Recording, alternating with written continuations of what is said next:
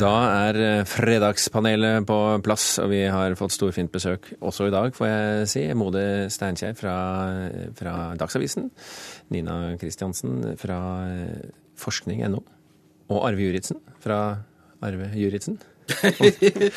ja ja. Ålreit, jeg har jo en jobb, da, men det er greit, Ja, det. ja, ja nei, vi, vi sier det sånn. Skal vi bare kjøre på? Ja, ja takk. Ja, takk. Første spørsmål her. Valget er over, og mediehusene har i år satt inn store ressurser på å dekke valget på stadig flere plattformer. Så store at politisk redaktør i Aftenposten Harald Stanghelle mente mediedekningen har gjort valgkampen mer fragmentert. Og vi tar spørsmålet et knepp videre. Hvis Stanghelle har rett, er mediene nå i ferd med å gjøre Norge mindre demokratisk? Vi begynner på venstresida. Nei. Nei. Nei. Dette var da eh, veldig skjønnsomt og vakkert, eh, eh, vakker enighet. Juritzen, tar du ikke Stanghelle på alvor? Nei, jeg gjør ikke det, fordi dette er sånn vi opplever hver gang når mediene har hatt en stor sak, og så kommer det stille etterpå. Hva gjør journalister da? Jo, da begynner vi å intervjue hverandre. eh, Eller skriver om oss selv, sånn som Stanghelle har gjort her. Så dette er vel litt sånn postvalg, eh, må fylle avisa med noe. Eh, Og det er jo klart at flere plattformer gir jo mer demokrati. Så kan det vel ikke være noe annet å si om det? Jeg tenker at det er litt sånn redsel for den, den nye medievirkeligheten. Ja. At den er ikke så enkel som før, hvor du hadde liksom de store gubbene i de store avisene som diskuterte den seriøse politikken. Nå er det liksom fritt fram for alle. Eh, og det, sånn er det. Og da er det, jeg er enig med Arve Juritzen i at det, da, ja, men da kommer vel politikken ut til veldig mange flere, da. Du kan ikke skylde på mediene fordi at eh, vi har en fryktelig kjedelig valgkamp i Norge. Men samtidig så går jo valgtallet, altså folk, antall folk som velger, de går jo stødig nedover. Men det er ikke sikkert det har noe med mediene å gjøre. Selv om de to tinga skjer samtidig, så er det ikke sikkert at de henger sammen. Så, så jeg tenker at vi, en, vi, har, vi bor i verdens rikeste land, eller i hvert fall nummer fire eller noe sånt på lista. Vi har det, har det bra. Det er ikke de store uenighetene. Jeg syns øh, det, er- det blir en kjedelig øh, valgkamp fordi vi har ikke noe veldig viktig å slåss om. Kanskje med unntak av pressestøtten. Eh, Ja, Pressestøtten kan vi slåss for hvilken dag som helst. Eh, Det kan jeg gjerne være med på. Så, så derfor så blir det litt tam valgkamp, og dermed så kanskje mister folk interessen. Men, men Mode Steinkjer, er det ikke en viss eh, eh, fare for at når, når an, at det blir en sånn slags kakofoni da, i, i mediene? At, det, eh, at det, den ene undersøkelsen slår den andre i hjel, og, og til slutt så bare trekker folk seg unna? Altså, det, det har vært en teppebombing, vil jeg kalle det, i, i år. Og, og i motsetning til for fire år siden, ikke snakk om for åtte år siden, så har vi jo da sett at, at vi har nå hatt et, eh, et valg som har gått i absolutt alle medier, ikke minst på nett. Vi har hatt daglige eh, valgprognoser eh, i flere medier, fra alle medier. Um, og jeg tror at Det Sangele har rett i, er at dette har, har gjort at folk har gått lei mye før. For man har hatt vanskeligheter med å finne ut hva, hva er nytt, hva, hva hørte jeg i går, hva skal jeg høre i morgen, hva, hva skjer nå egentlig. Men, men jeg tror dette her styrker demokratiet, for det blir flere stemmer, alle blir hørt, eh, alle kommer til orde. Eh, Og så får man heller da eh, ikke ta det så tungt at ikke disse tunge mennene som før satt og diskuterte, faktisk nå eh, får lov til å dominere hele, hele valgkampen, for det har de ikke greid. Det har, det har alle andre greid, og ikke minst politikerne selv. Fulgte du, Juritzen, med på alle prognosene? Nei, jeg tror vel det som er problemet i denne valgdekningen er at som dere sier, det har vært veldig mye av det, og så har det ikke vært noe politisk innhold. Det er jo så enighet, og det er jo, man går jo i takt, og det er jo egentlig ganske kjedelig. Eh, Det er jo veldig små fronter, og jeg tror vel at det er der problemet har blitt. At eh, for mye dekning av ingenting blir jo treigt. Tror du Kristiansen, at man kunne bare halvert dekningen og så fått samme gode resultat? Nei. Jeg, er, eh, jeg tror at det å komme ut i mange kanaler betyr at du når mange flere grupper. Så hvis du vil ha opp valgdeltakelsen, så må vi fortsette som dette her.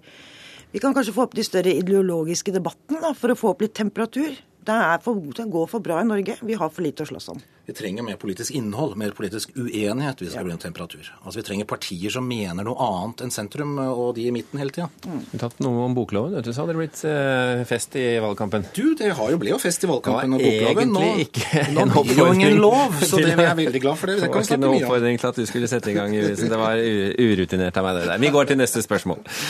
Erna Solberg benyttet seierstalen på Høyres valgvake til å takke de rød-grønne, som nå skal forlate regjeringskontorene, mens Siv Jensen ropte 'Morna, Jens'.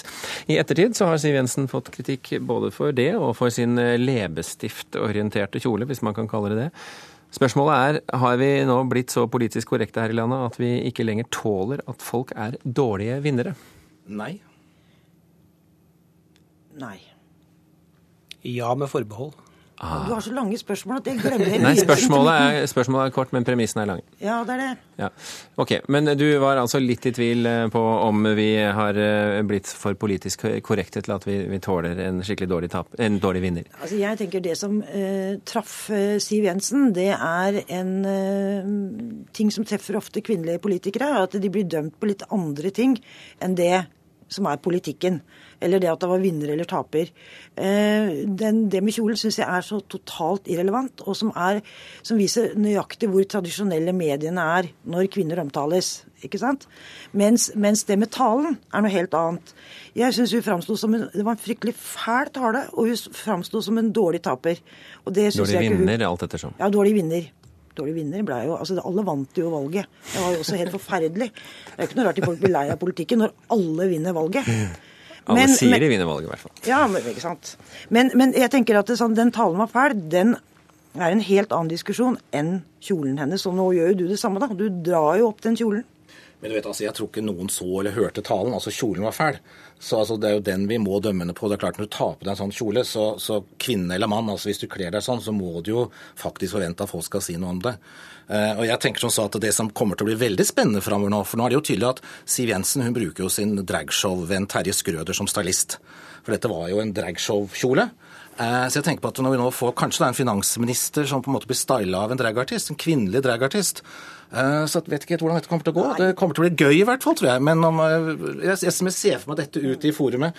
Så jeg tror at Frp nå må spandere på en ordentlig stylist som får på en kjedelig blå drakt og, og sånt. Og så kan vi hende at vi slipper kvinnedebatten. Nå kan jeg fortelle, nå kan jeg fortelle lytterne at uh, Nina Kristiansen setter ikke opp sitt uh, vennlige og uh, blide fjes, men vi skal hoppe til Modig Steinkjer. Du sa ja med forbehold. Altså, bare for å holde på kjolen litt, Det verste med kjolen var jo egentlig at hun ikke sjekka at importøren av dette kjolemerket var på ferie, for hun greide da å ødelegge hele ferien for han. Telefonen har ikke stått stille siden hun hadde på seg den kjolen. Eh, Så det syns jeg var det verste med kjolen. Eh, Men det, det hun sa, var egentlig det som, som, som jeg syns var ille. Eh, Og i forhold til, til mitt ja, så går det vel mest på at du har en venstreside som hele tiden har vært opp av at nå skal man ikke mobbe andre. Hvem var det som var først ute på Twitter og sosiale medier til å slå ned på Siv Jensen? Ikke så mye pga. det hun sa, for det var, verdt, det var virkelig verdt å reagere på. En smålighet som jeg ikke har hørt maken til. Men de angrep da denne kjolen. Um, og der syns jeg at det ligger noe problematisk. Og der ligger da, da en mobbefaktor som, som jeg ikke hadde venta. Jeg tror kanskje det var pga. skuffelsen over valget, mer enn over kjolen, men eh, det kom ganske feil ut. Men det er klart at hadde hun stått der og sagt kloke og fine ting i den fæle kjolen, så hadde det kanskje vært litt annerledes debatten etterpå. Men kombinasjonen av dem, ikke sant? altså kjolen forsterker den fæle talen, da. Uh, dette her er kanskje vår framtidige finansminister, som står der og brøler morgenen igjen, som viser at du er en, en, en smålig person, da. Eh, og det, og det, det er det verdt å ta. Det er en god diskusjon. Er det, sånn vi, er det sånne politikere vi ønsker oss? Er det sånn vi avslutter Ja, det valget? har vi jo. Den diskusjonen er nærmest konkludert. Eh, Det er sånne politikere vi ønsker. Det har vært valg. Eh, ja, det er jo det. Ikke sånne politikere du ønsker, det er men, men tross alt ønsker. 16,3 av Ja, befolkningen de vil gikk jo det. tilbake, da. Altså, Eh, programlederens innledning her ga meg et nytt ord jeg ikke har hørt før. Dårlig vinner. Altså, Vi har snakket om Ja. dårlige tapere, men Har du ikke hørt det før? Nei, jeg syns det var et veldig gøyalt ord. Og så tenker jeg på, vi har, vi har, altså Siv Jensen har jo en tidligere sjef eh, som har sittet alltid og klaget på NRK, at det alltid er skeiv dekning av Frp. Og nå merker jeg at programlederen altså omtaler Siv Jensen som en dårlig vinner. Så det er interessant at det Ja. Men forskning viser hele, samme hele tida. Men ja, men, men vi, vi, vi, og tiden går, så Ja, ja, vi må vi ha et spørsmål til. tema, Klokka er jo snart fem på halv. Nei, vi, vi blir sikkert ikke det uansett hvor lenge vi holder på i dag. Så vi hopper til neste spørsmål. 18-årsgrense på film er utdatert og bør fjernes. Det mener Norske Filmbyråers Forening. Det skriver de i hvert fall i en høringsuttalelse til regjeringens forslag til ny lov for regulering av film- og bildeprogram, som det heter. Filmer med vold, overgrep og sex kan skape store konsekvenser om de blir sett for tidlig i livet, mener voldsforsker. Og da er eh, ikke et ja-nei-spørsmål denne gangen, men hvem skal vi lene oss på her? Filmbyråforeningen som vil ha 18-årsgrensen bort, eller voldsforskeren som vil beholde den? Jeg vil, helst Jeg vil lene meg på ungdommen, jeg. Kan jeg det? Ja. Eh, nei, jeg støtter voldsforskeren, jeg. Jeg liker helst ikke moralske voktere, men akkurat denne gangen så gjør jeg det. Jeg støtter også voldsforskerne. Her skal du få lov til å debutere på P2 som moralsk vokter. Vær så god. Som moralsk vokter. Nei, men hvis man ser på det som kommer av film, så er det klart at eh, Og jeg ser ganske mye av det, jeg anmelder film i Dagsavisen bl.a. Eh, så ser man at det som kommer og får 18-årsgrense i Norge, eh, det er en grunn til at det får 18-årsgrense. Hvis de begynner å slippe løs det på 16-åringer eller enda yngre ungdom, så om det er skadelig, det vet jeg ikke, men veldig mye av det innholdet har ingenting med barn eller ungdom å gjøre i det hele tatt. Eh, det er forbeholdt voksne, og sånn syns jeg det bør være. Og så har jo Byråforeningen klart en tanke med dette her. De filmene som går aller dårligst på kino i Norge, de er selvsagt 18-årsgrense. Eh, så de vil ha aldersgrensen ned for å tiltrekke seg et større publikum. Penga, rett og slett. Juritzen. Ja, nei, altså Jeg har jo en niåring hjemme som nå akkurat begynner å bevege seg ut på biblioteker og på internett og på musikk og på filmer. Og jeg syns jo det er bare kjempeskummelt absolutt overalt. Hun kom hjem fra skolebiblioteket og alle ting. Det skulle jo tro var trygt. Med en, med en bok som var altså detaljert om djeveldyrkelse, og det var tarmer som ble dratt ut, og skjæringer. og så... Eh, jeg er heller ikke for sånne overvåkere, men også når det gjelder barn, så er det mye skummelt der ute. Så få på merkelapper at det er farlig, og løft frem voldsforskerne. Her trenger vi høye aldersgrenser, og vi trenger mye veiledning vi som foreldre.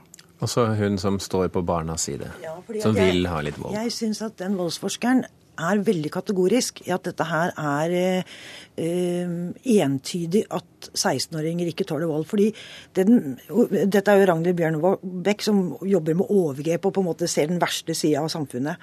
Så jeg skjønner jo hennes perspektiv. Men veldig mye voldsforskning viser jo også det at det er bare et lite mindretall, de som allerede er i faresonen, som blir påvirka av voldsfilmen.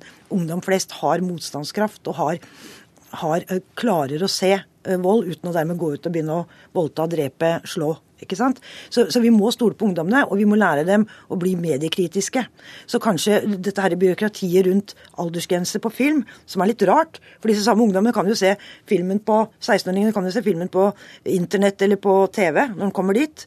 Eh, så kanskje vi skulle bruke penga vi bruker på det byråkratiet, på å lære ungene å bli mediekritiske og kritiske til og, og, og filmer som bruker vold som virkemiddel. da. Her nikkes det av herrene på hver side.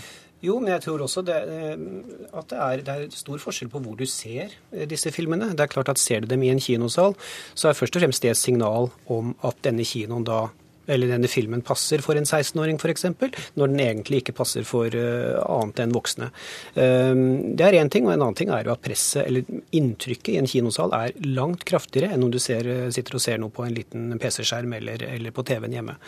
Sånn at uh, jeg tror at signaleffekten av å opprettholde en 18-årsgrense er, er, såpass sterk at, at den bør være der fortsatt. Ja, så Jeg har stort problem med å skjønne hvorfor vi skal ha disse voldsfilmene i hele tatt. Har de noe mening? Har de noe, har de Nei, det, det, er dessverre slik at det problemet får vi ikke løst her i dag. For denne sendingen sendinga er i ferd med å runde av. Så du må gå hjem til eh, ditt barn og spørre der isteden, tror jeg. Det er sikkert noe du kan lære der også. Tusen hjertelig takk, Arve Juritzen, Nina Kristiansen og Mode Steinkjer for at dere var med i panelet i dag.